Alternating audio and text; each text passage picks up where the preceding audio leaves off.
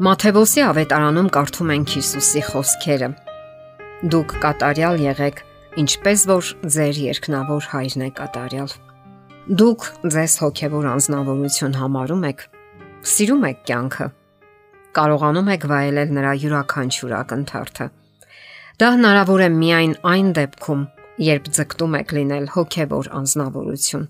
լսել Աստծո հորդորները եւ հետեւել նրա առաջարկած կանոններին այդ հորդորներից մեկն էլ այսպես է հնչում. դուք կատարյալ եղեք։ Դա նշանակում է աճել ու զարգանալ, խորանալ կյանքի գաղտնիքների ու խորհուրդների մեջ եւ հասկանալով սիրել կյանքն ու մարդկանց։ Մի ապաղաղ, անհետաքրքիր ու ձանձրալի կյանքը արագ է հոգնեցնում։ Մարդիկ հաճախ են ասում. Ես չեմ սիրում իմ աշխատանքը, իմ մասնագիտությունը, իմ կյանքը այնքան խառն ու բարդ է։ Շատերը սկսում են փոխել տարիներով արմատացած կենսակերպը, փոխում են աշխատանքը, զբաղվում են մեկ այլ սիրելի մասնագիտությամբ, որոշում են նոր ոլորտներում փորձել ուժերը, կարգավորում են ընտանեկան հարաբերությունները։ Շատերը սկսում են փորձել իրենց ուժերը երաժշտական բնագավառում, գրում են իրենց երազած գիրքը։ Մի մասն էլ սկսում է ճանապարհորդել եւ գնալ այն երկրները, որ երազել է մանկուց։ Անցնում է ժամանակը եւ նրանք նկատում են, որ իրենց կյանքում տեղի են ունեցել դրական փոփոխություններ։ Այս ամենը մտորելու ծանրակշիռ թեմա է որովհետև փոփոխությունները կյանքի հիմքն են։ Իսկ այդ ամենի հիմքում Աստված ինքն է, ով ցանկանում է վերափոխել մարդու կյանքը եւ տանել այն դրական հունով։ Եթե դուք զգում եք, որ կյանքը սկսել է անհետաքրքիր դառնալ եւ բավականություն չի պատճառում, ուրեմն ժամանակն է այն վերակառուցելու, նորովի նայելու ամեն ինչին։ Ըստ հոգեբանների եւ բժիշկների նման կյանքը երկար ու բավականություններով լի ընթացք է ապահովում մարդու համար։ Սակայն հասկանալի է նաեւ այն, որ որոշ դեպքերում պարզապես հնարավոր չէ արմատապես փոխել կյանքը թեկուզ հենց դրամական հիմնախնդիրների պատճառով։ Սակայն այս դեպքում էլ կարելի է ամեն հնարավորն անել առավելագույնս օգտագործելով սեփական հնարավորությունները, փոխելով կենսակերպը։ Փոխելով միջավայրը, մասնագիտությունը եւ այն ամենը, ինչն այլևս բավականություն չի պատճառում։ Եթե չեք կարող փոխել հանգամանքները, կարող եք փոխել ձեզ։ Դրա համար գումարների կարիք չկա։ Դուք կարող եք սիրել մարդկանց ու ձեզ։ Դա եւս գումարային ներդրումներ չի պահանջում։ Նույնիսկ կարելի է սիրել այն աշխատանքը, որը հաճույք չի պատճառում։ Դրա համար հարկավոր է փոխել աշխարհայացքը եւ ներքին դրթապաճառները, գտնել նոր պատճառներ, չէ որ կյանքն իրականում նորովի է բացվում ամեն օր, նոր գույներով Պարզապես հարկավոր է տեսնել այդ նոր գույները։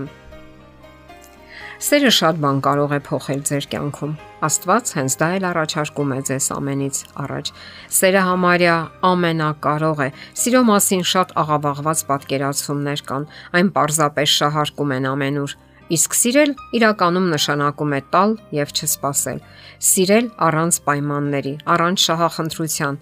Երբ Քրիստոսը մահանում էր խաչի վրա, նա ոչինչ չէր ակնկալում։ Այդ զոհաբերության հիմքում նրա սերն էր կորչող մարդկության հանդեպ, բոլորիս հանդեպ։ Ինչ կարող ենք առաջարկել Աստծուն այդ սիրո փոխարեն բացարձակապես ոչինչ։ Թերևս միայն մեր անկեղծ սերն ու շնորհակալությունը, շնորհակալություն վերափոխված քրիստոնեական կյանքի համար, որն ապոխում է մեր կենսական արժեքները եւ կյանքի հունը Եվ երբ դուք ոչինչ չեք սпасում կամ ակնկալում, նկատում եք, որ իսկապես երջանիկ եք։ Մեր անհաջողությունները հաճախ օգտակար ծառայություն են մատուցում մեզ։ Դրանք ցույց են տալիս, որ մենք սխալ ուղությամբ ենք շարժվում։ Հիվանդությունները ցույց են տալիս, որ մենք սխալ ապրելակերպ ենք ընտրել, որ հարկավոր է փոխել անառողջ սովորություններն ու կախվածությունները։ Այդ зерքը հաճախ Աստծո зерքն է, որը փորձում է նոր ուղություն հաղորդել մեր կյանքին, նոր ընթացք եւ իմաստ։ Վայելեք կյանքը։ Եղեք խելամիտ եւ մի մեղադրեք ոչ մեկին։ Կարգավորեք հարաբերությունները բոլորի հետ, իսկ առաջին հերթին Աստծո հետ։ Այդ նա է ցանկանում մտք ունենալ ձեր կյանք եւ վերափոխել։ Աստծո խոսքում կարդում ենք. Ահա ես դրան առաջ կանգնած եմ եւ բախում եմ Եթե մեկն իմ ձայնը լսի եւ դուռը բացի, նրա մոտ կմտնեմ եւ նրա հետ կընտրեմ։ Նա էլ ինձ հետ։ Ընթունելով Աստծուն ձեր կյանքի մեջ, դուք պատրաստ կլինեք փոփոխությունների։ Դուք պատրաստ կլինեք ներել այն բոլոր մարդկանց, որոնք ժամանակին վիրավորել են ձեզ։